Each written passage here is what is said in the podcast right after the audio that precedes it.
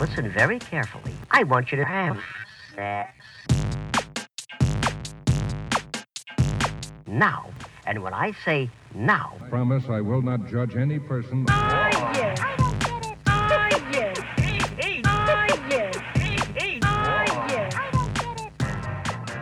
Cześć, z tej strony Nat, czyli Twoja zaufana sekspertka, a to jest Nat i Seks.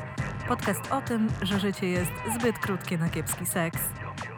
Odcinek 52. Poduszka, cipka. Hej, hej, miło mi znów gościć w Twoich dziurkach usznych i mam nadzieję, że cieszysz się na to spotkanie tak samo jak ja. Ten odcinek Sexcastu jest wyjątkowy, ponieważ po raz pierwszy towarzyszą mi w nim gościnie, czyli nie nagrywam sama, a w obecności dwóch wyjątkowych kobiet, które stworzyły równie wyjątkowy projekt, o którym pomyślałam, warto by było, gdyby usłyszało więcej osób. Od razu disclaimer. Z moimi gościniami współpracowałam w ramach kampanii na blogu, natomiast dzisiejszy odcinek nie jest elementem współpracy komercyjnej, po prostu chciałam porozmawiać o tym, jaką wizję mają Ola i Paulina, aby więcej osób mogło je lepiej poznać, ale dodam, że dziewczyny przygotowały dla osób słuchających podcast kod rabatowy na tworzony przez siebie produkt, więc pomyślałam, że to też bardzo miły gest. Zanim przejdziemy do naszej rozmowy, chciałabym poprosić Cię o wsparcie Sexcastu subskrypcją tam, gdzie lubisz go słuchać, polecenie go komuś, komu mógłby się spodobać, a jeżeli czujesz się wyjątkowo hojnie, możesz wesprzeć mnie mikrodonacją w serwisie Coffee lub Buy Coffee. Wszelkie potrzebne linki znajdziesz w opisie. Dzisiejszy odcinek podcastu jest wyjątkowy, bo jest to pierwszy odcinek w historii Sexcastu, który nagrywam z wyjątkowymi gościniami, które stworzyły jeszcze bardziej wyjątkowy projekt, o którym pomyślałam, że fajnie by było, gdyby osoby słuchające usłyszały od samych jego twórczeń, a co to za projekt i o co w tym wszystkim chodzi, dowiecie się za moment.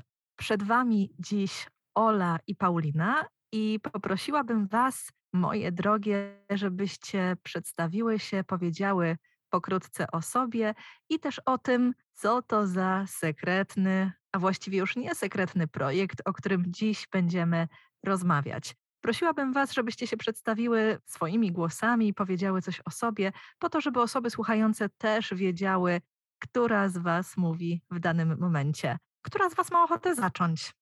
Ja mogę zacząć. Ja, czyli Paulina. Cześć, e, nazywam się Paulina Koniarczyk. Krótko o mnie. Zawodowo e, zajmuję się szeroko pojętym marketingiem, głównie operacyjnym e, w branży IT na rynki europejskie, Bliski Wschód i Afrykę. Mieszkam i urodziłam się w Warszawie i kocham moje miasto. I tyle o mnie na początek. Czyli już wiecie, że jest z nami Paulina. Ola, teraz czas na Ciebie. Cześć, tu Ola. Jestem y, połową, drugą połową tego naszego duetu. Duetu, który się nazywa Ciotki Psotki. Y, Za chwilę o nim trochę więcej na pewno. Y, I co trochę krótko o mnie. Y, Zawodowo zajmuję się takim przyjemnym bardzo tematem, ponieważ importuję i dystrybuuję wino.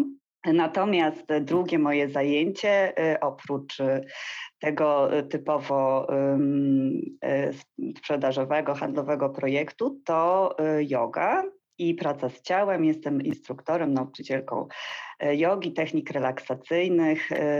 Pracuję z ciałem różnymi metodami, różne nurty jogi mnie bardzo interesują, a przede wszystkim takie połączenie tradycyjnych, ym, takich prastarych y, tradycji y, jogi i nowych zdobyczy biomechaniki, neurobiologii, medycyny również, które wpływają bardzo na rozwój tej praktyki. Tyle o mnie.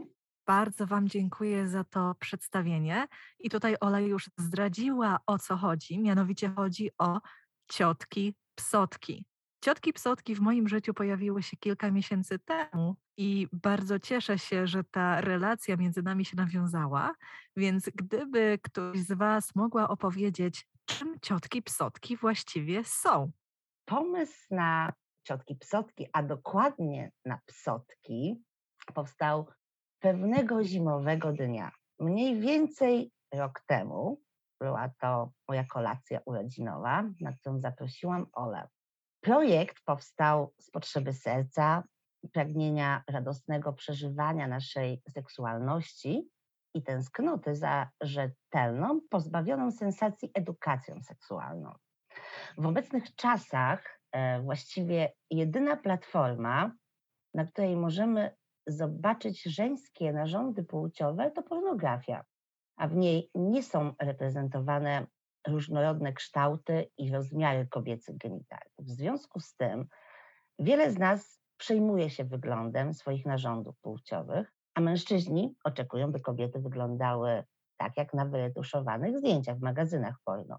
Z kolei edukacja w szkołach ma tendencję do skupiania się na anatomii, a przekrój ciała kobiety pokazywany na lekcjach biologii nie jest zbyt pomocny, gdy dochodzi do realnego spotkania z wulwą. Tak więc poduszki psotki, bo psotki to poduszki, są zaprojektowane w sposób adresujący obie kwestie, dostarczając jednocześnie pięknej, sensorycznej i anatomicznie poprawnej reprezentacji wewnętrznych, jak i zewnętrznych struktur żeńskich narządów płciowych. Mhm, dziękuję Ci, Paulina, bo już właśnie zdradziłaś, że szyjecie, wytwarzacie, projektujecie poduszki wulwy, które zapewne mają wiele różnych celów i mogą pełnić rozmaite funkcje w życiu osób, które zdecydują się zaprosić je do swojego życia. Natomiast zaciekawiło mnie to, co powiedziałaś o tej reprezentacji i to, że trudno jest dziś zobaczyć wulwę w całej jej rozpiętości form, kształtów, kolorów jeżeli oczywiście nie ma się dostępu i wiedzy, gdzie takich przedstawień szukać. Zresztą to jest bardzo ciekawe, co mówisz o przekroju na biologii, dlatego że odkryłam, że dopiero od niedawna w książkach do biologii na przekrojach anatomicznych właśnie pojawiło się umiejscowienie łechtaczki, którą bardzo często trudno jest zauważyć czy dostrzec w tego typu publikacjach właśnie w takim miejscu, w którym ona powinna się znajdować, czyli umiejscowienie względem mm, warg sromowych, zwłaszcza jeżeli chodzi o struktury wewnętrzne. Więc e, bardzo mnie fascynuje to, że skupiłyście się też na tym, aby ta reprezentacja była bardzo wierna. To skoro już o poduszkach, to czy mogłybyście, czy któraś z Was mogłaby opisać, jak taka psotka wygląda, jaka jest w dotyku? Tak jak powiedziała przed chwilką Paulina, i Natalia, ty podkreśliłaś, no psotka jest e, zabawką e, sensoryczną. Dosyć długo też myślałyśmy nad tym, jak e, ją nazwać, bo zdecydowanie nie jest to zabawka erotyczna, nie jest to gadżet erotyczny pojawił się gdzieś tam w naszych opisach, również pojawiło się słowo fantom, które brzmi dosyć e, fatalnie jednak i, a, e, i dość jednak tak archaicznie, bo przypomniała mi się przysłowie fantom, przypomina mi się historia mojej koleżanki, która na strychu u dziadków znalazła pudełko z napisem fantom męskiego prącia i to było takie drewniane, stare dildo, więc fantom odpadł, bo jednak kojarzy się nam dość dość staroświecko, więc y, pomyślałyśmy, że tak naprawdę najlepszą, najlepszym określeniem na to, czym jest psotka, jest, y, że jest to zabawka y, sensoryczna lub rekwizyt sensoryczny, który służy do edukacji seksualnej, a przede wszystkim odkrywania Y, kobiecego ciała oraz źródeł przyjemności kobiecego ciała w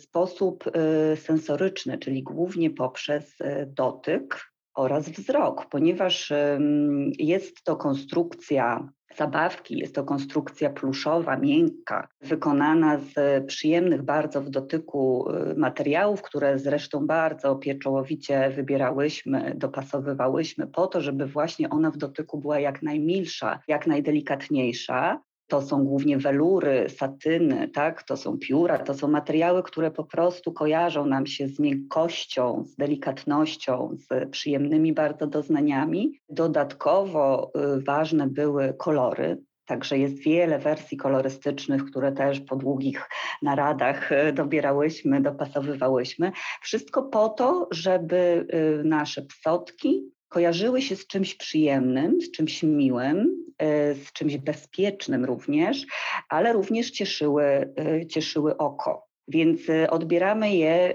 odbieramy je głównie zmysłem dotyku, zmysłem wzroku. Można się do niej przytulić i jest to przedmiot, który mm, bardzo się dobrze kojarzy. Chciałyśmy, żeby się dobrze kojarzył, chciałyśmy, żeby sprawiał przyjemność w kontakcie i przede wszystkim, y, żeby nie kojarzył się właśnie pornograficznie, żeby kojarzył się bardziej z czymś y, ciepłym, miękkim, przyjemnym, nie wulgarnym, ponieważ y, przeznaczony jest dla wszystkich. Także zabawka czy rekwizyt sensoryczny, wydaje mi się, że to jest taki nasz um, opis, który co prawda nie oddaje pełni tego, czym jest psotka, ale jeśli chciałybyśmy podsumować, to myślę, że takimi słowami. I najważniejsze, no, że jest to rękodzieło, tak? To też było dla nas bardzo ważne, żeby to było rękodzieło artystyczne, żeby to był przedmiot wykonany ręcznie, z dbałością o każdy najmniejszy szczegół, i to też y, myślę, że jest ważne dla osób, które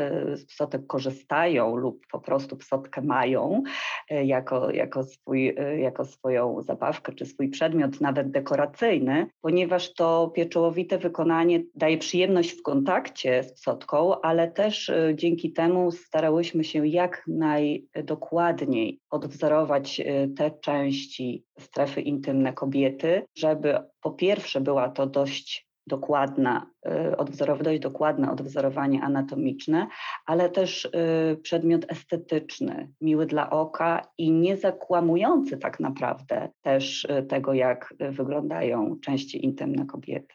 Także zabawka e, sensoryczna plus no, konstrukcja psotki to jest konstrukcja y, zabawki, to jest konstrukcja pluszowej, y, pluszowego, pluszowej zabawki. Ma ona swoje zagłębienia, ma kieszonkę, ma wypukłości, ma wgłębienia, więc starałyśmy się, żeby była ciekawa i pobudzała wyobraźnię.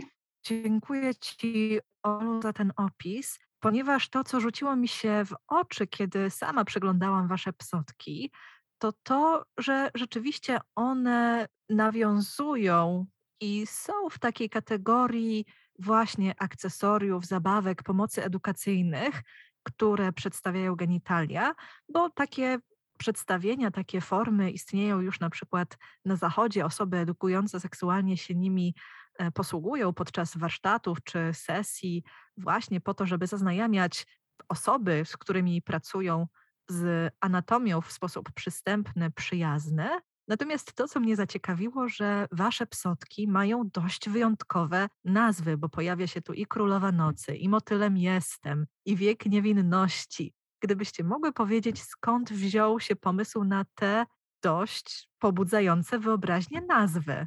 To też była debata długa i myślałyśmy długo nad tym, wymyślałyśmy najróżniejsze, najróżniejsze nazwy, najróżniejsze koncepty się pojawiały. Sam fakt, że naszym logo jest e, motyl, taki motyl z, z małą, jak się przyjrzeć bliżej, to ma on taką małą, delikatną e, wulwę w środku, wrysowaną, wpisaną. I ponieważ e, ten motyl, jako też taki symbol zmiany, transformacji, piękności, pięknienia właściwie, jakby, jeśli można tak powiedzieć, Pojawił się to, tytuł piosenki Motylem Jestem z znanej, y, znanego szlagieru. I tak, y, mm, tak od tego tytułu Motylem Jestem pojawił się pomysł, żeby to były nazwy wzięte z szeroko pojętej y, kultury popularnej, czyli tytuły piosenek, tytuły filmów, dzieł, które kojarzą się z cielesnością, seksualnością, erotyką. Jest na przykład psotka, która nazywa się Imperium Zmysłów. To Imperium Zmysłów, no, bardzo piękny, niesamowity japoński film, bardzo polecam, jeśli ktoś nie widział. No, film jest mocny, temat dość mroczny, intensywny, a Psotka, Imperium Zmysłów, jest jedną z naszych popularnych, najbardziej ukochanych psotek, bo też kojarzy się z czymś wyrafinowanym, z czymś niesamowitym, może nie, niepoznanym. Także myślę, że to był pomysł, który wyszedł od motyla. Tak naprawdę motyl był pierwszą naszą y, inspiracją. Motyl stał się naszym logo. Później było motylem jestem, bo część psotek ma kształt motyla, a część ma kształt serc. Nazwa motylem jestem y, do tego nawiązuje zdecydowanie do kształtu. Mm, no i dalej właśnie pojawiły się tytuły filmów i myślę, że dalej będziemy szły w tym kierunku, bo to też budzi skojarzenia, to budzi budzi jakieś wyobrażenia i inspiruje, myślę, też do tego, żeby na przykład do tych filmów powrócić. Jest Psotka Ukryte Pragnienia, to też piękny film, do którego warto, myślę, wracać, pokazujący bardzo, bardzo wysublimowany, subtelny sposób rodzącą się świadomość seksualności kobiecej, więc no takim tropem poszłyśmy i myślę, że będzie to dalej w tym kierunku szło, żeby również kojarzyć psotki z czymś przyjemnym, ale także z czymś intelektualnym, z jakimiś wyobrażeniami, z jakimiś skojarzeniami z kultury, z filmu, z dzieł sztuki. Czyli rozumiem, że tymi opisami też w pewien sposób puszczacie oko do osób, które interesują się kulturą, kulturą popularną, które być może mają takie same doświadczenia z obcowaniem z niektórymi dziełami, i ja poniekąd nawiązałam już do tego, że osoby zajmujące się edukacją seksualną wykorzystują tego rodzaju rekwizyty, przedmioty właśnie w procesie edukacji, ale być może wy miałyście nieco inny pomysł na to, dla kogo psotki będą przeznaczone. Więc jeżeli mogłybyście opowiedzieć o tym, jaki jest ich cel, po co powstały, to też byłoby fantastycznie. Być może wyobrażałyście sobie zupełnie inną osobę korzystającą z waszego, z waszego dzieła. Mówiąc szczerze, to tak naprawdę psotki powstały po to, żeby y, pobudzić, pobudzać zmysły i wyobraźnię i w ogóle zwrócić uwagę szerokiej widowni, że tak powiem, na, na to, że części intymne kobiety, narządy intymne, narządy rodne istnieją, są piękne, są godne poznania, są godne tego, żeby o nich mówić, y, żeby je poznawać, żeby edukować dziewczynki i chłopców o tym, jak wyglądają, do czego służą, z jakich części się składają. To też, co powiedziałaś, że przez wiele lat y, historia medyczna nawet części y, intymnych kobiety była spychana na margines i tak jak męskie prącie było jest opisane wszerz i wzdłuż na wszystkie możliwe sposoby, tak pełen obraz um, łechtaczki na przykład, jej części zewnętrznej, y, wewnętrznej, wszystkich struktur, unerwienia, budowy, um, takiego potencjału erekcyjnego, tak naprawdę ten pełen obraz powstał w 2005 roku, początki lat 2000 tak naprawdę to 15-16 y, lat temu dowiedzieliśmy się, jak naprawdę w pełni wygląda i funkcjonuje kobieca łechtaczka. Więc to jest takie trochę y, też y, mm, smutne I, i, i, chciałyśmy odwrócić ten proces y, i pokazać, że spychanie tego tematu y, części mm, intymnych kobiety do takiej roli reprodukcyjnej tylko, pomijając całą sferę przyjemności i urody również tych części, no to jest y, duży błąd i trzeba to jak najbardziej, trzeba jak najszybciej naprawić y, i przede wszystkim pokazywać też dziewczynkom i chłopcom, że to jest piękna część, to piękne części ciała, służące y, nie tylko do rozmnażania, ale służące również do dostarczania naszemu ciału naszej duszy, ogromnych y, przyjemności. I to jest, y, myślę, że to pobudzanie wyobraźni, pobudzanie zmysłów i mówienie w otwarty sposób o kobiecych częściach intymnych to jest nasz największy cel, ale y, tych celów tak naprawdę można je zgrupować. Ja tak naprawdę myślę, że ten pierwszy, oczywisty, to jest cel edukacyjny, żeby w ogóle pokazać jak wyglądają i z czego składają się narządy y, rodne kobiety, te, które widać, psotka pokazuje, te, które są na zewnątrz, te, które są wewnątrz, są zaznaczone symbolicznie, ale również można się do nich odnieść, bo jest kieszonka, która symbolizuje waginę, jest, jest w środku niespodzianka, która symbolizuje również e, strefę G, także próbowałyśmy, żeby oddać jak najwięcej e, tej e, anatomii.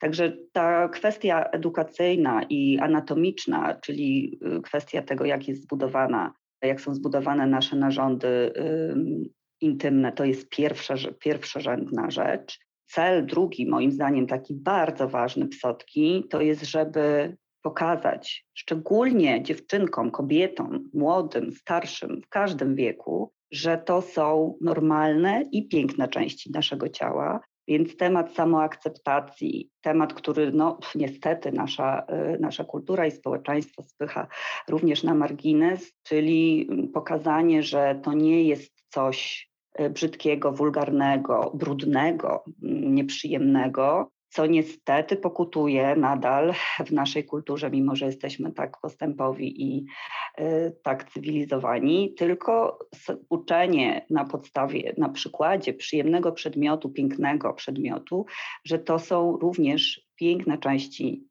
ciała kobiety, które mają różne kolory, które mają różne kształty i wszystkie te kolory i kształty są dobre. Także mm, ten temat samoakceptacji i, i zgody na, na własne ciało, polubienia, pokochanie swojego ciała, to jest coś, co nas y, również y, kieruje i to jest również cel, y, dla którego powstały psotki. No, to takie oswajanie, tak, oswajanie ludzi z naturalnymi narządami kobiety i powodowanie, próbowanie pokazać, że są one Y, pełnoprawne, nie tylko męskie prącie jest pełnoprawne i godne badania i, i rozmowy o nim, ale również damskie części, kobiece części intymne. No i jest jeszcze oczywiście y, to, co Natalio no, u ciebie na przykład najlepiej widać, czyli edukacja seksuologiczna, tak? czyli pokazywanie na na psotce, na takim niebudzącym, y, niemiłych skojarzeń przedmiocie, pokazanie, pokazywanie jak dotykać, jak pieścić, y, jakie ruchy, jakie czynności, jakie y, pieszczoty można wykonywać w rejonach intymnych kobiety, jakie w ogóle części pobudzać, jak dotykać, z jaką siłą, z jakim natężeniem. To wszystko tak naprawdę jestem przekonana, że dużo łatwiej pokazać i przyjąć przyjemniej na, e, na psotce, na takiej fajnej, miłej, przyjemnej poduszce, niż e, na, na takim plastikowym fantomie czy, e, czy gumowym nawet. I ta rola, ta rola w, jako rekwizytu do edukacji seksualnej, ale do takiej edukacji seksualnej nie tylko anatomicznej, ale też nastawionej na to, jak, jak osiągać przyjemność, jak odkrywać w ogóle swoje ciało, to również jest e, wielki taki cel i zadanie psotek, które chciałobyśmy, żeby one e, realizowały.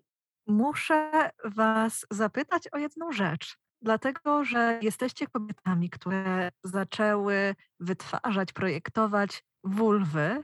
Wydaje mi się nadal dość niecodzienne działanie, jeżeli chodzi o współczesną Polskę, więc bardzo zastanawia mnie, jak wasze otoczenie zareagowało na pomysł wytwarzania psotek i jak może mm, reagowały na nie osoby, które korzystały, kupowały, oglądały psotki. Być może wiązały się z tym e, ciekawe doświadczenia i mam nadzieję, że zaspokoicie moją ciekawość w tym obszarze.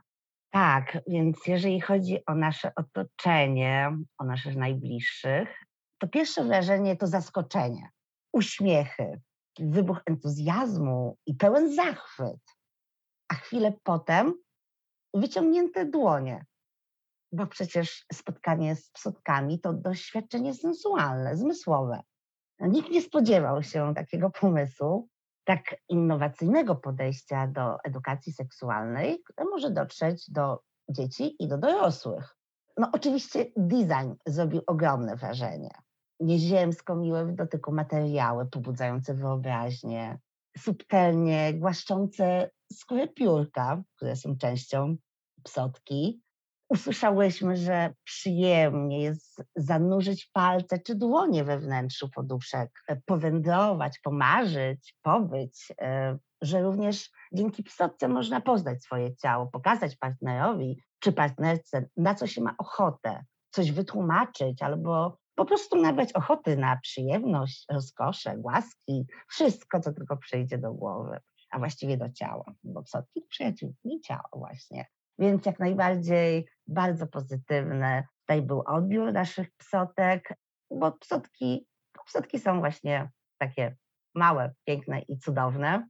Jeżeli chodzi o osoby obce, osoby kupujące, oglądające psotki, to feedback był, jest nadal bardzo pozytywny. Przede wszystkim ogromna ciekawość i te uśmiechy. Miałyśmy okazję być z psotkami na targach w Warszawie i nie było osoby, która przeszła obojętnie obok naszego stoiska. I głównie osoby, które mijały nasze stoisko, w myślach nawet, czy też nie w myślach i też sobie zadawały takie pytania na głos i też to słyszałyśmy, czy to jest to, o czym myślę? No i tak była taka chwila konsternacji, ale później każdy, jak już podchodził, y, każdy chciał dotknąć, pogłaskać, każdy chciał zobaczyć, co się kryje w środku, więc była to ogromna ciekawość, ogromne wsparcie od oglądających, kupujących, y, gratulacje za odwagę, strasznie nam to dodało skrzydeł i upewniłyśmy się tylko, że idziemy w dobrym kierunku i jak ważna i potrzebna jest edukacja seksualna w naszym kraju i że właśnie brakuje takiego produktu, bo nie słyszałyśmy od nikogo, żeby ktoś się spotkał z taką poduszką, z takim rekwizytem, z takim gadżetem i to była naprawdę dla nich bardzo duża nowość, ale bardzo przyjemny i bardzo pozytywny feedback. A i na koniec jeszcze też usłyszałyśmy od oglądających, że idealnie się wpasowuje w klimat sypialni czy salonu, czyli również mamy dodatkową funkcję naszej psotki, czyli funkcję dekoracyjną. My oczywiście z Olą możemy też się wypowiedzieć na ten temat, bo oczywiście psotki są częścią naszego domu, leżą na kanapie, i zachęcają wszystkich przychodzących, ojej, co to jest, mogę dotknąć, mogę się pobawić. Tak więc bardzo, bardzo pozytywny odbiór i przez naszych bliskich, i przez e, oglądających, kupujących nasz produkt. To ja się też wtrącę, bo jak Paulina opowiadałaś o tych targach, to ja pamiętam, że bardzo entuzjastycznie reagowały również psy i dzieci. Pieski, tak, które tak. tam spacerowały, były tak. zachwycone tak. oraz dzieci. Reakcja dzieci była niesamowita, bo dzieci najpierw rzucały się na te psotki, je przytulały, a później patrzyły, przyglądały się i pytały, a co to? Także to było też bardzo dla nas takie miłe i również no, to była taka obserwacja ważna, że one nie onieśmielają, tak? że to jest taki przedmiot, który nie onieśmiela, nie budzi skojarzeń z pornografią, z rzeczami, które są jakimiś tematami tabu i to, że zwierzę, zwierzęta oraz dzieci, które są najszczersze, jak wiemy, tak no fajnie tak, reagowały, tak. tak. to było dla nas super również, super no, obserwacją. To dzieci oczywiście z innego tam powodu chciały, że to jest zabawka, poduszka, chciały przytulić, ale, ale no, skracało to dystans, ale no też no i kolejna funkcja jak najbardziej, no to y, pieski. No mój przyjaciel ma pieska i Suczka jest zachwycona e, poduszką, no, e, mogłaby skakać, bawić się, no więc też e, tak w cudzysłowie, no kolejna funkcja to tak, to tak, no psy też, psy też uwielbiają nasze psotki. Muszę oczywiście jeszcze dopytać, co w tej sytuacji, gdy te dzieci tak się przeglądały i wchodziły w interakcję z psotką, jak wtedy reagowali dorośli? Co oni wtedy robili? Pamiętam taką sytuację dziewczynki, która miała może, no nie wiem, może sześć, może siedem lat i tak najpierw się poprzytulała, poprzytulała się, buźkę tam sobie poprzytulała i, y, i potem tak spojrzała, popatrzyła właśnie i zapytała się, a co to jest właściwie? I ja pamiętam, że spojrzałam na mamę, która stała obok i takim, e, że tak powiem, żeby zapytać, zapytać, czy tak porozumiewawczo e, przede wszystkim mm, spojrzeć, czy ja mogę powiedzieć, co to jest. I pamiętam, że ta mama miała taki bardzo, była przede wszystkim uśmiechnięta od ucha do ucha. Miała taki łagodny, spokojny wyraz twarzy i tak na mnie spojrzała, mrugnęła do mnie, także y, nie było problemu i jakimś oczywiście w sposób delikatny, taki bardzo obrazowy y, zaczęłam opowiadać, że jest to, że jest to odwzorowanie takiej budowy części ciała dziewczynek i kobiet i że pokazuje, gdzie się mieszczą różne części naszego ciała, różne narządy. Oczywiście mówiłam tak jak do dziecka, czyli tak bardzo, bardzo obrazowo i dość ogólnie, ale pamiętam, że te reakcje rodziców były bardzo sympatyczne. No to w ogóle to jest taki przedmiot, który łamie lody, przełamuje lody, zdecydowanie. I to widziałyśmy w momentach, e, kiedy mm, pokazywałyśmy psotki osobom, jakby, których nie znałyśmy, osobom postronnym, właśnie takim obserwatorom z zewnątrz, że budzi sympatię, budzi uśmiech e, i przełamuje lody i nie było chyba ani jednej reakcji takiego zaskoczenia, czy zmieszania, y, czy konsternacji. Ja tego nie zauważyłam, nigdy nie widziałam. Bardzo ciekawe reakcje były mężczyzn. Mężczyźni bardzo fajnie reagowali. Bardzo to było też e, dla mnie dla nas znamienne, ponieważ oni się zbliżali, uśmiechali, patrzyli, po czym mówili: Ach, nie, no to ja to już wszystko wiem. ja tak, nie potrzebuję tak. takich rekwizytów, bo ja to wszystko już wiem, gdzie to jest. Także to, to dość, dość też charakterystyczne. Yy, tak, ale mamy, rodzice byli, yy, nie widziałam w żadnym momencie, nie widziałam yy, gestu czy czy słów jakiejś dezaprobaty, czy y, zmieszania. Byli naprawdę wszyscy mili, uśmiechnięci i y, bardzo im się podobało i te takie spontaniczne, dziecięce reakcje były y, świetne dla nas.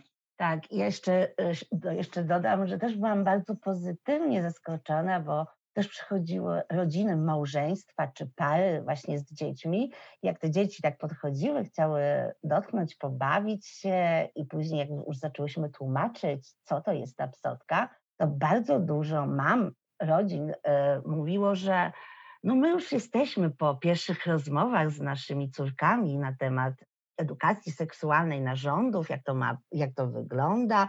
I, I to też były matki z bardzo małymi dziewczynkami, więc bardzo nam się też to podobało, że, że, że te rozmowy są prowadzone w domach. I jeszcze, żebym jakby chciałam dodać, że wiele naszych e, znajomych, przyjaciółek zakupiło psotkę właśnie, żeby zacząć z dziećmi już rozmawiać, bo mają córki. Przeważnie dla córek zakupiły, żeby zacząć już rozmawiać z nimi na tematy edukacji seksualnej, na, no, narządów, więc e, tak, i, i bardzo nas to cieszy, że, że dużo takich rozmów już jest prowadzonych w domach.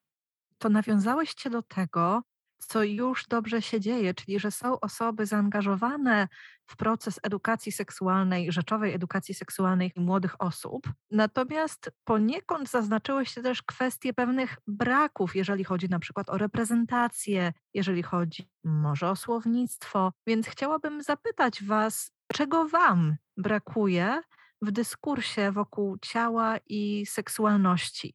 I być może macie też ochotę powiedzieć, jak chciałybyście, żeby było w tym obszarze.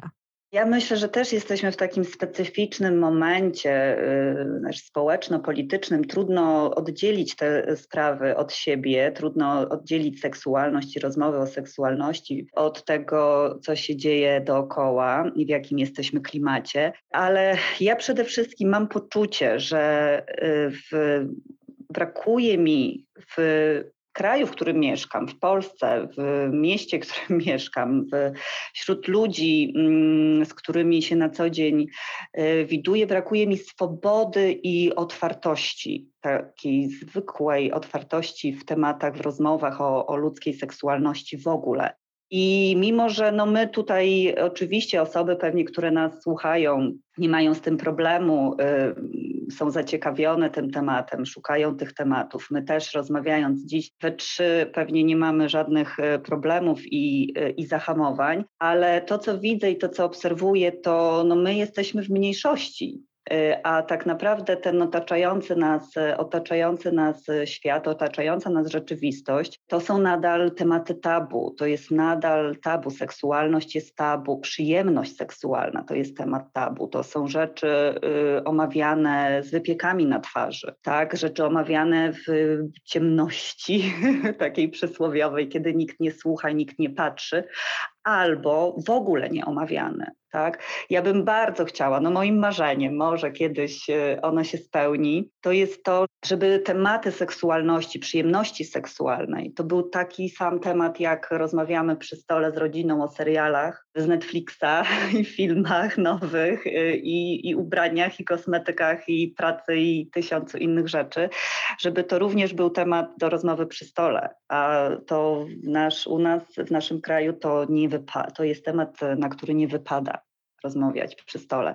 Druga rzecz taka, która też mnie dosyć, dosyć boli i martwi, że przyjemność seksualna, przyjemność seksualna to jest coś, co, co, co nie jest pomyłką ewolucyjną, tak? To jest nasze, to jest, to jest coś absolutnie naturalnego, tak nas też stworzyła przyroda do tego, żebyśmy osiągali przyjemność seksualną. Ja w ogóle jestem e, bardzo zainteresowana e, biologią ewolucyjną i patrząc na takie procesy ewolucyjne w świecie zwierząt, e, tak, tutaj nie mówię na razie o ludziach, ale, ale w świecie zwierząt czytam różne badania, podsumowania, eksperymenty różne prowadzone, to widać bardzo wyraźnie, nawet w świecie owadów, że sukces rozrodczy to w dużej mierze zależy od przyjemności samicy.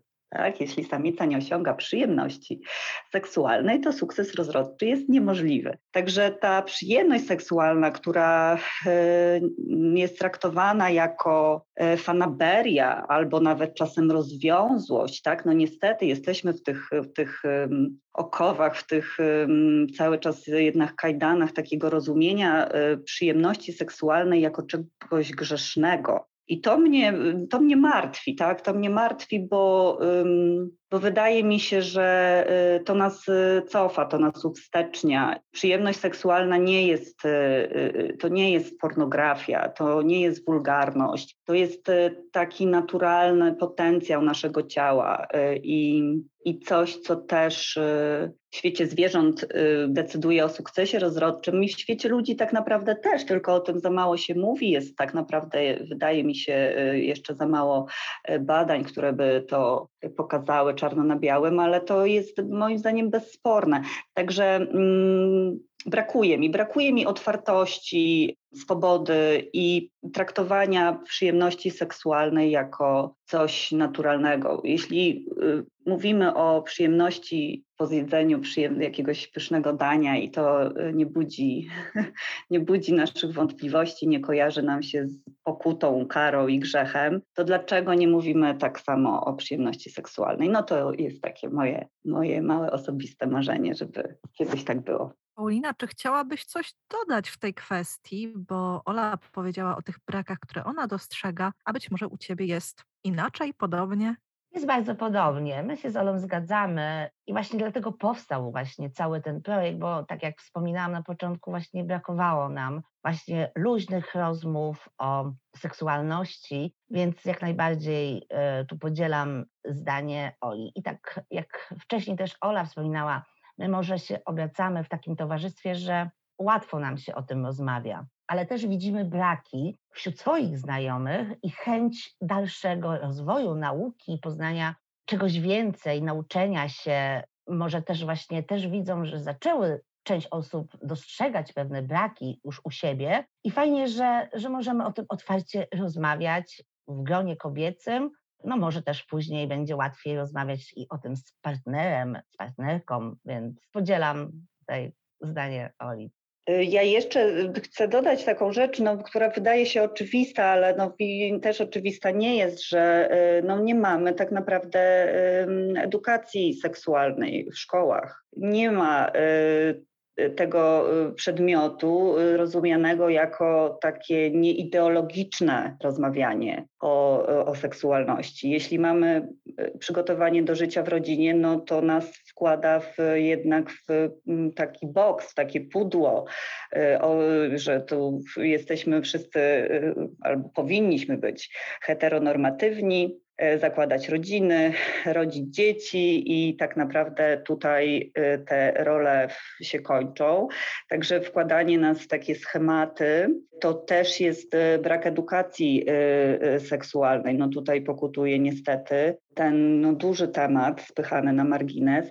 Także taka podstawowa edukacja, nawet gdyby nie ideologiczna, nawet gdyby to się tylko i wyłącznie ograniczało do rzetelnej wiedzy o budowie anatomicznej i funkcjach y, narządów y, rozrodczych, to i tak już by był krok do przodu. A nie mamy nawet tego. No, jest przyroda i dzieci uczą się o tym, jak zbudowany jest człowiek, ale tak naprawdę ja pamiętam, że na tych lekcjach, y, na tych lekcjach w mojej szkole pani nam mówiła, od której do której strony mamy sobie poczytać podręcznik i wychodziła z klasy. Nie chciała w ogóle na ten temat rozmawiać. Ja myślę, że tak naprawdę nie za wiele się zmieniło i to też jest y, niepokojące. I to też y, przy takim niesamowitym dostępie do informacji, jaki mają teraz dzieciaki, brak takiej rzetelnej, podstawowej, spokojnej, opartej na wiedzy, bez emocji, bez jakiegoś już tutaj uciekania się do kwestii erotycznych, ale takiej rzetelnej, spokojnej wiedzy na temat budowy i funkcji narządów rozrodczych człowieka i w ogóle całej tej sfery, bo to nie jest, to jest, to jest sfera um, również połączona z emocjami, z szacunkiem do drugiej osoby, z uczeniem um, dzieci o tym, że bardzo ważna jest um, szacunek do swojego ciała, do ciała innej osoby, osoby i, i, i, i taka obopólna zgoda w jakichkolwiek czynnościach i działaniach dotyczących własnego ciała. Także to są podstawy, to, są takie, to jest taka baza, której, która też u nas mocno kuleje. Sotki są takim małym, małym, zdaniem, kamyczkiem, małym ziarenkiem do tego, do tego koszyka y, y, edukacji seksualnej, właściwie, no braku, właściwie braku edukacji seksualnej w Polsce. Więc jeśli to jest przedmiot, jeśli to jest taki rekwizyt, który może w tym pomóc, y, jeśli szkoła nie pomaga, to, to może w domu y, rodzice będą mieli większą łatwość, y, żeby rozmawiać o tym z dziećmi i żeby w ogóle te tematy poruszać. To, to też nasza, nasza misja, nasz cel y, jest spełniona.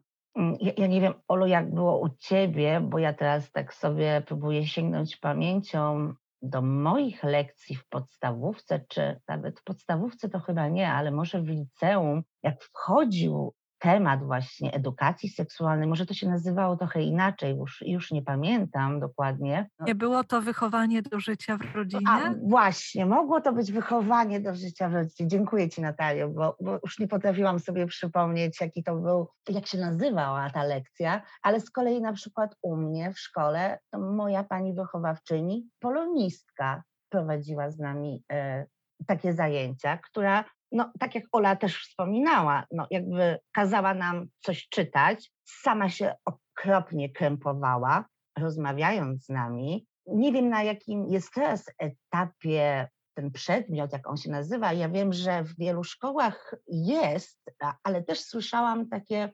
opinie, że te zajęcia są rozdzielane, że jest grupa dziewczynek i grupa chłopców. No, ja uważam to za duży błąd. Dlaczego nie można mieć wspólnych zajęć, ale wiem, że już się pojawiają edukatorki seksualne e, i prowadzą zajęcia w szkołach. No nie wiem, jak, jaka to jest skala, ale ja pamiętam jak dziś e, moją wychowawczynię, która zupełnie nie wiedziała, jak podejść do tego tematu, krępowała się, więc też ja uważam, że to jest też bardzo istotne, żeby te zajęcia były prowadzone przez profesjonalnych edukatorów a nie po prostu wrzucone gdzieś między lekcjami, dodane i prowadzone przez nauczycieli, co nie mają jakby, jakby podstaw do tego, żeby uczyć tego tematu. To skoro już o wspominkach mowa, to jeszcze dorzucę taki własny kawałek, chociaż nie własny, bo to mój przyjaciel, z którym chodziliśmy do tej samej szkoły, jesteśmy z tego samego miasta, z tego samego liceum, a jestem już kobietą po trzydziestce. On dopiero niedawno powiedział mi, że osoba, która prowadziła z nimi wychowanie do życia w rodzinie, kobieta, która też była sama położną ale w naszej szkole prowadziła katechezę, zabrała ich klasę, zarówno chłopców, jak i dziewczęta, do gabinetu ginekologicznego, gdzie tam ginekolożka opowiedziała im, jak wygląda badanie, opowiedziała im nieco więcej na przykład o anatomii, co dla mnie, jak na tamte lata, było czymś zupełnie wywrotowym. A ja byłam rok niżej w naszej szkole od niego i my już nie mieliśmy takiej, powiedzmy, wycieczki. Wydaje mi się, że dużo też zależy od chęci, ale też całego systemu, w którym funkcjonuje wychowanie do życia w rodzinie łamane przez edukację seksualna, bo wydaje mi się, że tam, gdzie będą bardziej otwarte placówki, otwarci rodzice, będą też i takie przypadki, gdzie w ogóle pomysł, aby edukować młodzież, dzieci o ich ciele, przyjemności, funkcjach seksualnych ciała, będzie budził dość spory opór. Także ta różnorodność, myślę, jest dość interesująca, ale też dość wymowna. Tak, na pewno. Ja też jak rozmawiamy, przypomniało mi się um, sytuacja, kiedy prowadziłam taką psotkowe warsztaty, prezentacje, rozmowy na temat e, kobiecej seksualności i przyjemności. To była grupa dziewczyn takich 35 nawet plus.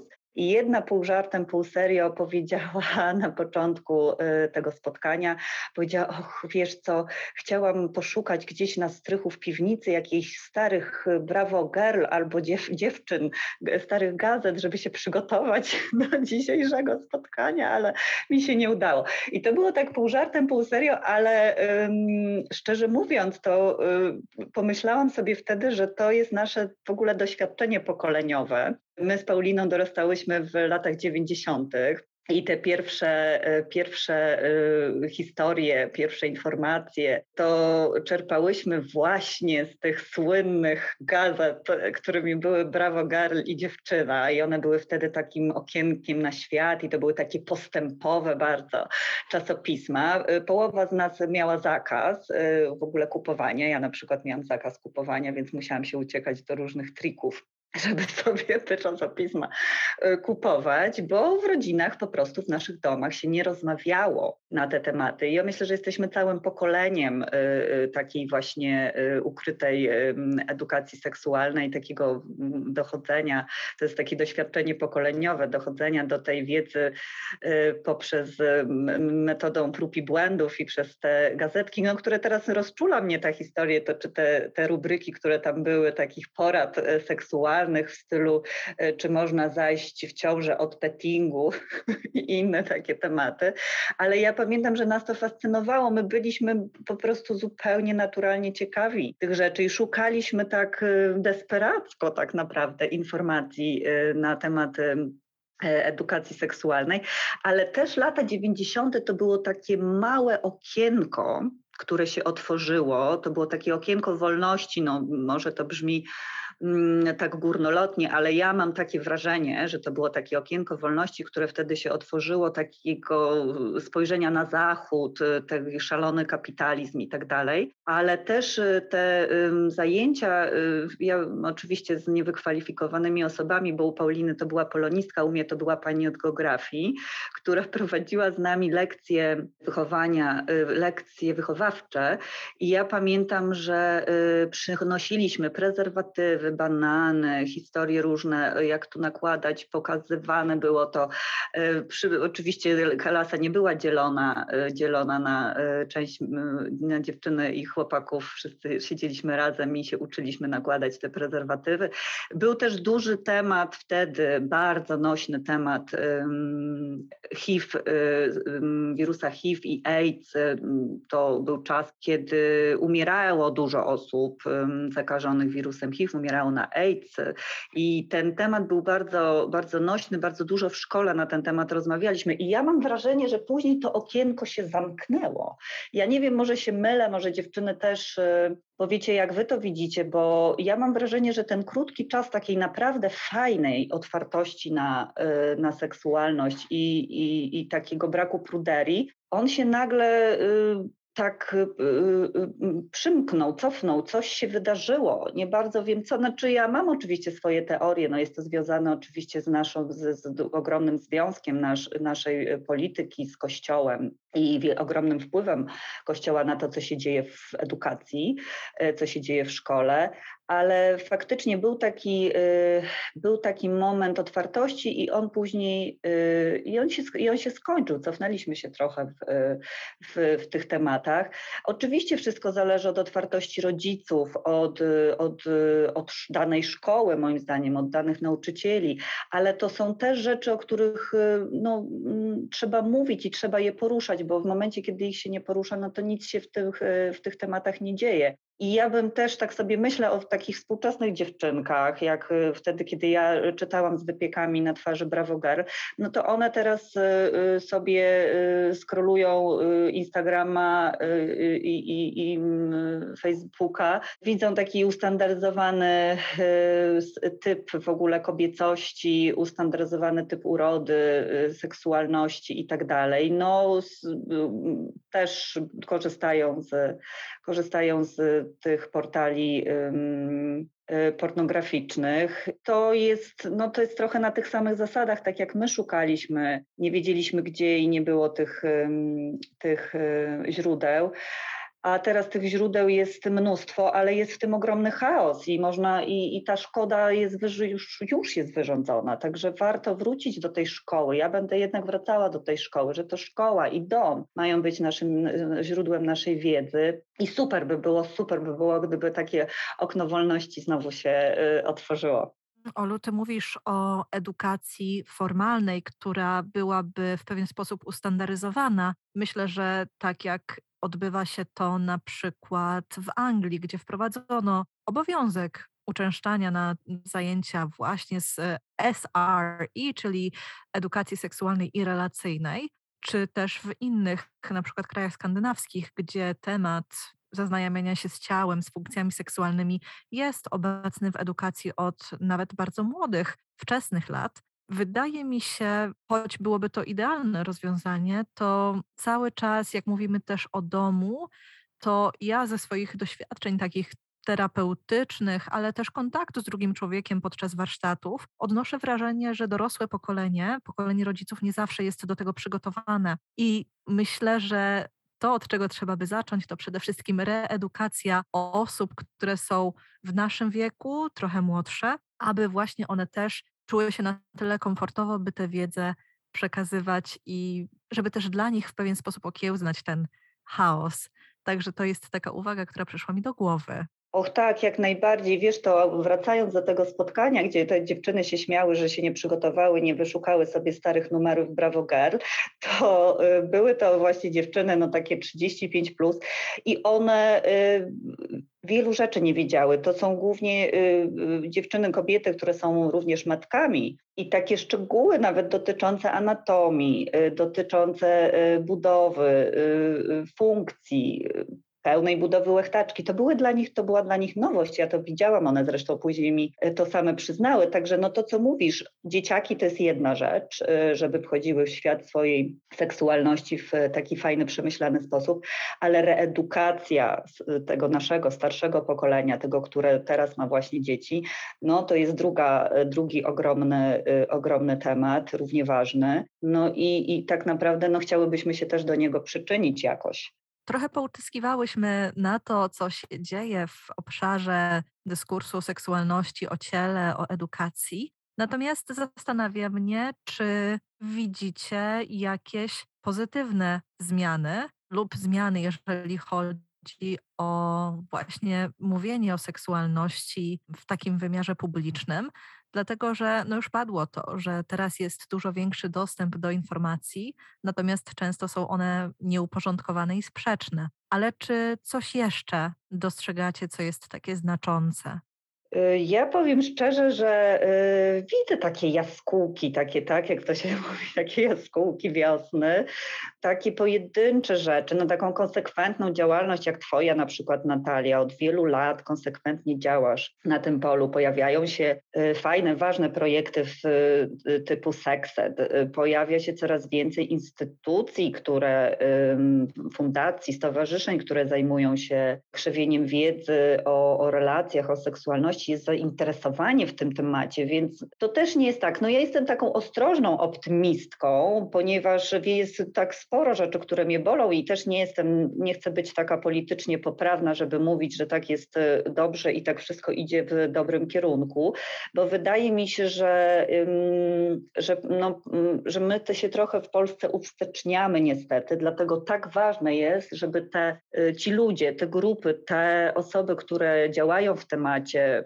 edukacji seksualnej y, i i wiedzy o, o, ciele, o seksualności człowieka, żeby też nie, nie schodziły z tej drogi, żeby to kontynuować i żeby zarażać tym ludzi, bo to jest absolutnie temat, który zaraża i który jest y, mm, bardzo nośny, który jest bardzo potrzebny. Ja bardzo jestem, mam ogromną satysfakcję i bardzo się cieszę, sama pracuję z ciałem, widzę postępy na przykład moich, moich uczniów, y, moich, y, moich grup, jak, widzę, jak ich ciała się zmieniają, jak y, nagle ten kontakt odzyskują, odzyskują utracony kontakt ze swoim ciałem, oddechem i mam z tego ogromną satysfakcję. Bardzo się z tego cieszę, bo mam wrażenie, że jakość ich życia rośnie. Tak mam ogromną satysfakcję, jak widzę, y, nawet rozmawiając z dorosłymi mm, kobietami y, na temat ich seksualności, prezentując psotki, pokazując na psotkach, co gdzie się znajduje, do czego co służy, że one tego słuchają, one to chłoną i tego naprawdę potrzebują potrzebują. Często właśnie dorosłe kobiety, które już mają y, dzieci i ich dzieci wchodzą już y, w, w okres dorastania. Dzieje się, dzieje się w tym temacie. Ja myślę, że nadal dzieje się za mało. Będę cały czas to mówiła, że dzieje się za mało i nie możemy przestawać i, i, y, i musimy, i trzeba o tym mówić, i trzeba to powtarzać, i trzeba te tematy jak najbardziej um, nagłaśniać. Tym bardziej, że media społecznościowe traktują tematy przyjemności aktywności jako tematy zakazane i zdejmują, banują posty i, y, i treści mm, na ten temat, no co jest też myślę, że w ogóle ogromnym tem, osobnym, osobnym tematem na długą, długą rozmowę. Nadal jest e, po prostu wiele do zrobienia. Nie chcę być przesadnie optymistyczna, bo, bo myślę, że wiele złych rzeczy się dzieje. To, że kobiety muszą wychodzić w Polsce na ulicę, żeby walczyć o swoje prawa, że wszyscy jesteśmy wkładani do pudła um, heteronormatywnych y, ludzi, a wszyscy, którzy są poza tym pudłem, y, to jest margines y, i nasze władze są jawnie wrogie wobec osób nieheteronormatywnych normatywnych. Także to jest bardzo niebezpieczne. To, że nie mamy tak naprawdę dostępu do rzetelnej edukacji seksualnej, że dzieci nie mają dostępu do rzetelnej edukacji seksualnej, to są bardzo niepokojące rzeczy. To są rzeczy, które mnie, mnie bolą. Ja wobec nich e, czasami nawet nie mam, nie czuję złości, ja czuję głęboki smutek, że tak się dzieje. Także y, wiem, że się dużo fajnych, fajnych y, rzeczy dzieje. No, same nasz, nasz projekt, to też jest, bo to jest też jeden z głosów w, w tym temacie, w temacie edukacji seksualnej w Polsce.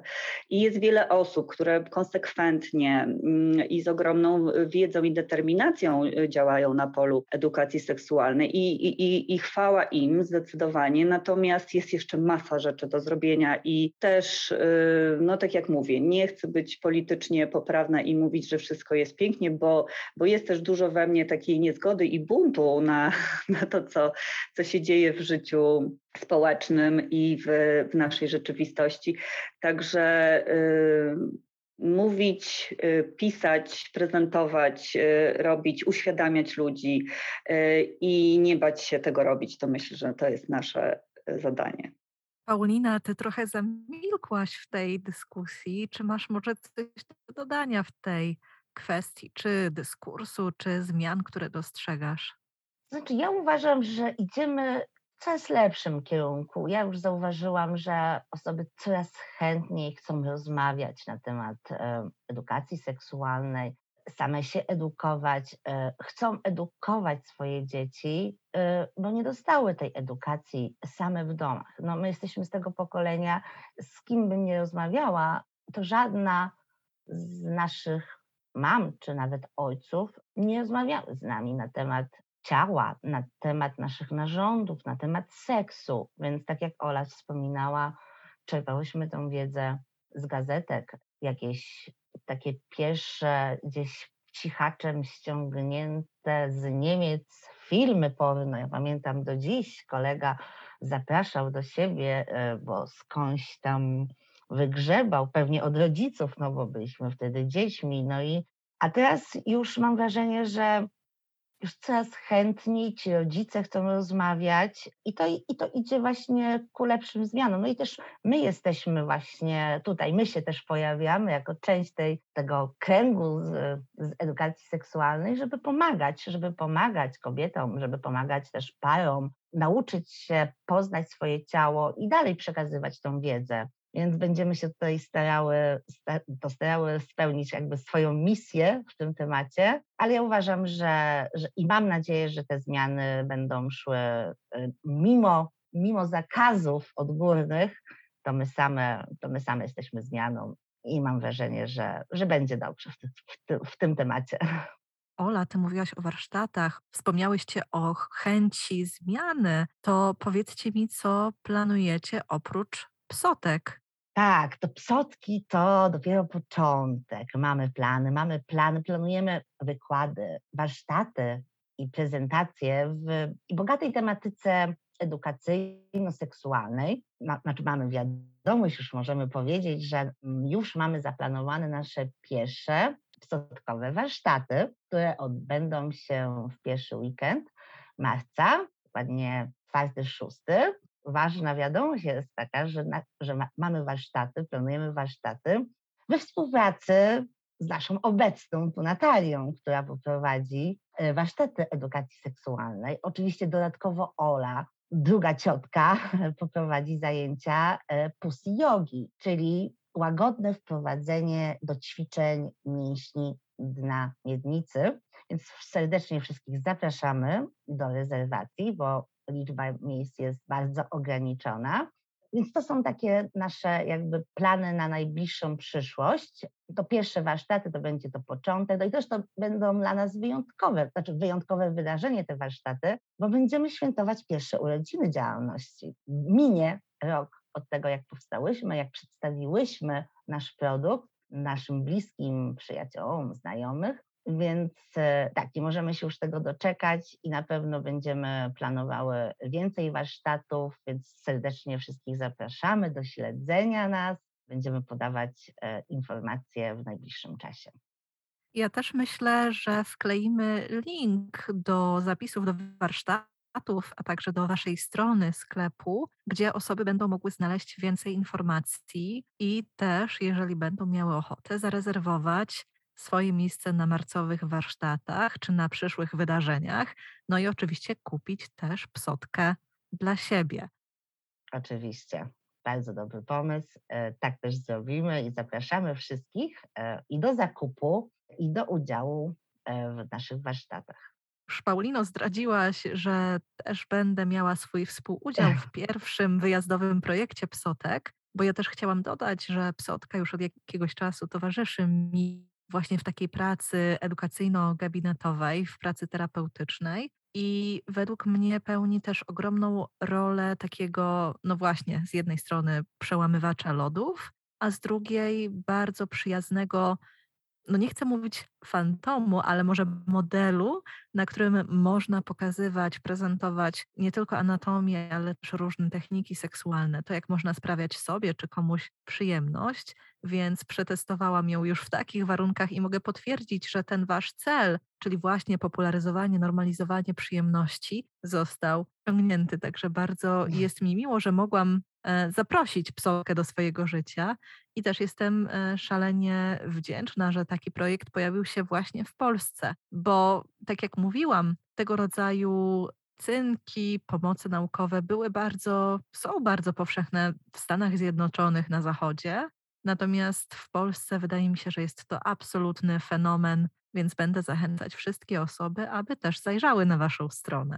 Tak, zapraszamy, zapraszamy do odwiedzenia naszej strony internetowej. Tak jak Natalia wspomniała, będzie link do niej. Zapraszamy też na nasze social media, na Instagram, Facebook, gdzie dzielimy się nowościami e, i też informacjami na temat warsztatów. A jeszcze to, co chciałabym jeszcze dodać, tak jak wspomniałeś, że to w Polsce jest ta nowość, więc e, też takie słyszałyśmy głosy, że jesteśmy niszą, że, że fajnie, że coś takiego powstało w Polsce, bo jeszcze nikt tego nie widział, ale też również e, jako kolejny plan, jaki mamy, w najbliższej przyszłości, to również ekspansję na rynki europejskie, więc niedługo klienci z zagranicy będą również mogli zakupić psotkę poprzez nasz sklep internetowy. Dopóki co e, możliwy zakup e, przez sklep jest tylko w Polsce, ale, ale idziemy też, będziemy, będziemy podbijać rynki zagraniczne i przedstawiać nasz produkt dalej. Pójdzie w świat. Z pewnością nie tylko ja, ale też i osoby słuchające będą trzymać kciuki za ten rozwój. Ja jeśli mogę jeszcze dodać, y, oczywiście do wszystkiego tego, co powiedziała Paulina, zapraszamy na nasze profile, e, zapraszamy do udziału w warsztatach, ale też piszcie do nas, jeśli na przykład macie pomysł jakiegoś spotkania, czy to w formule kameralnej, domowej, e, czy w jakiejś większej, e, ponieważ my jesteśmy bardzo otwarte, bardzo chętnie organizujemy prezentacje, pokazy, mówimy o psotkach, dodajemy do tego taką wiedzę z zakresu edukacji seksualnej. Y, ja bardzo chętnie prowadzę do tego zajęcia y, pracy z ciałem, z oddechem, relaksacji, y, jogi nastawionej na pracę z mięśniami na miednicy, także wszelkie pomysły czy, czy prośby z Waszej strony to też jest bardzo dla nas ważne, bo no też nie oszukujmy się, że my jesteśmy na początku naszej drogi. Bardzo wiele się również uczymy od naszych klientów, osób, które nas otaczają i korzystają z psotek. Bardzo jesteśmy też otwarte na Wasze, na wasze głosy, yy, sugestie i pomysły. Także wszystko, co chciałybyśmy, żeby ten nasz, ta nasza psotkowa rodzina rosła y, i się rozwijała. Także wszystko, wszystko, co chcielibyście nam zaproponować, o co zapytać, za, y, zaproponować, jesteśmy na to otwarte. Bardzo chętnie takie y, spotkania zorganizujemy. Pojawiły się również głosy o, o organizację spotkań na wieczorach panieńskich, także to też jest fajny pomysł, bo w, taki, w, takim, w takiej atmosferze również zabawy i radości myślę, że te psotki również się sprawdzają, bo w końcu, w końcu nasze ciało to również źródło przyjemności, ale przede wszystkim radości i, i takiego zadowolenia, y, zadowolenia z życia, więc y, warto o nie zadbać. Także te formuły, które, które przychodzą, oczywiście tych warsztatów również będzie więcej, na pewno jesteśmy przekonane, że y, będziemy coraz częściej w różnych y, też miejscach je organizować. Ten nadchodzący, ja tu tylko dodam, że ten nadchodzący warsztat to oprócz tego, że, że mamy taką wspaniałą gościnię, to jest też y, to miejsce, w którym będzie organizowany, jest też bardzo urocze, magiczne, sprzyjające relaksowi. To Talaria Spa, które mieści się niedaleko Warszawy i naprawdę jest miejscem, które pozwala na taki głęboki mm, relaks w otoczeniu przyrody, w ciszy, spokoju, pięknych y, wnętrzach, co pozwala o siebie zadbać przede wszystkim i na chwilę zapomnieć o troskach i zmaganiach życia codziennego i wrócić do siebie, wrócić do ciała, na czym nam bardzo zależy. Myślę, że po takim zaproszeniu wasza skrzynka e-mailowa czy wiadomości prywatne w mediach społecznościowych będą rozgrzane do czerwoności, dlatego że wiem, że jest zapotrzebowanie na tego typu wydarzenia, a też sama nie mogę doczekać się marca i ponieważ jesteśmy w takim wyjątkowym okresie przedświątecznym, gdzie myślimy podarowywaniu bliskim osobom prezentów, wyjątkowych prezentów, wyjątkowych przeżyć, to być może psotka znajdzie się pod czyjąś choinką albo właśnie zaproszenie na taki wyjazdowy warsztat. Także mam tak. na to nadzieję i tego będę Wam życzyć. O, dziękujemy, dziękujemy Natalia. Ja też już słyszałam od kilku osób, że, pso, że psotka to jest ich wymarzony prezent na święta. A miny rodziny przy stole z nad barszczu i pierogów będą bezcenne. Dla nas to byłby najlepszy prezent świąteczny. Te, te bezcenne miny cioć, cioć i wujków e, No i i, no i, i chętnie przyjmiemy każde zdjęcia albo film, jak, jak to Dzila zareagowała. Tego Wam życzę. Życzę Wam rozwoju i rosnącej popularności i samych sukcesów. I bardzo Wam dziękuję za dzisiejszą rozmowę, za nasze dzisiejsze spotkanie, które myślę było interesujące dla osób, które słuchają podcastu. I to my dziękujemy bardzo, bardzo dziękujemy Natalia za zaproszenie. Serdecznie, serdecznie dziękujemy za przemiłą rozmowę, za to, że mogłyśmy powiedzieć, e, opowiedzieć o sobie i o naszym projekcie. Także dziękujemy i do usłyszenia. Dziękujemy. Link do warsztatów, o których mówiły Ola i Paulina, znajdziesz w opisie odcinka, a dodatkowo możesz skorzystać z przygotowanego przez moje gościnie kodu rabatowego na zakup swojej psotki. Kod rabatowy to NATANDSEX21 pisane łącznie i daje on 10% rabatu na nieprzecenione psotki. Kod obowiązuje do końca 2021 roku. Z pewnością nie był to mój ostatni podcast, w którym będę rozmawiać z innymi osobami. Mam nadzieję, że ta forma była dla Ciebie ciekawa, a ja tymczasem życzę Ci wszystkiego seksownego i do usłyszenia już wkrótce. Pa! Opinie osób występujących w podcaście należą do nich i nie zawsze są tożsame z opiniami i poglądami autorki podcastu.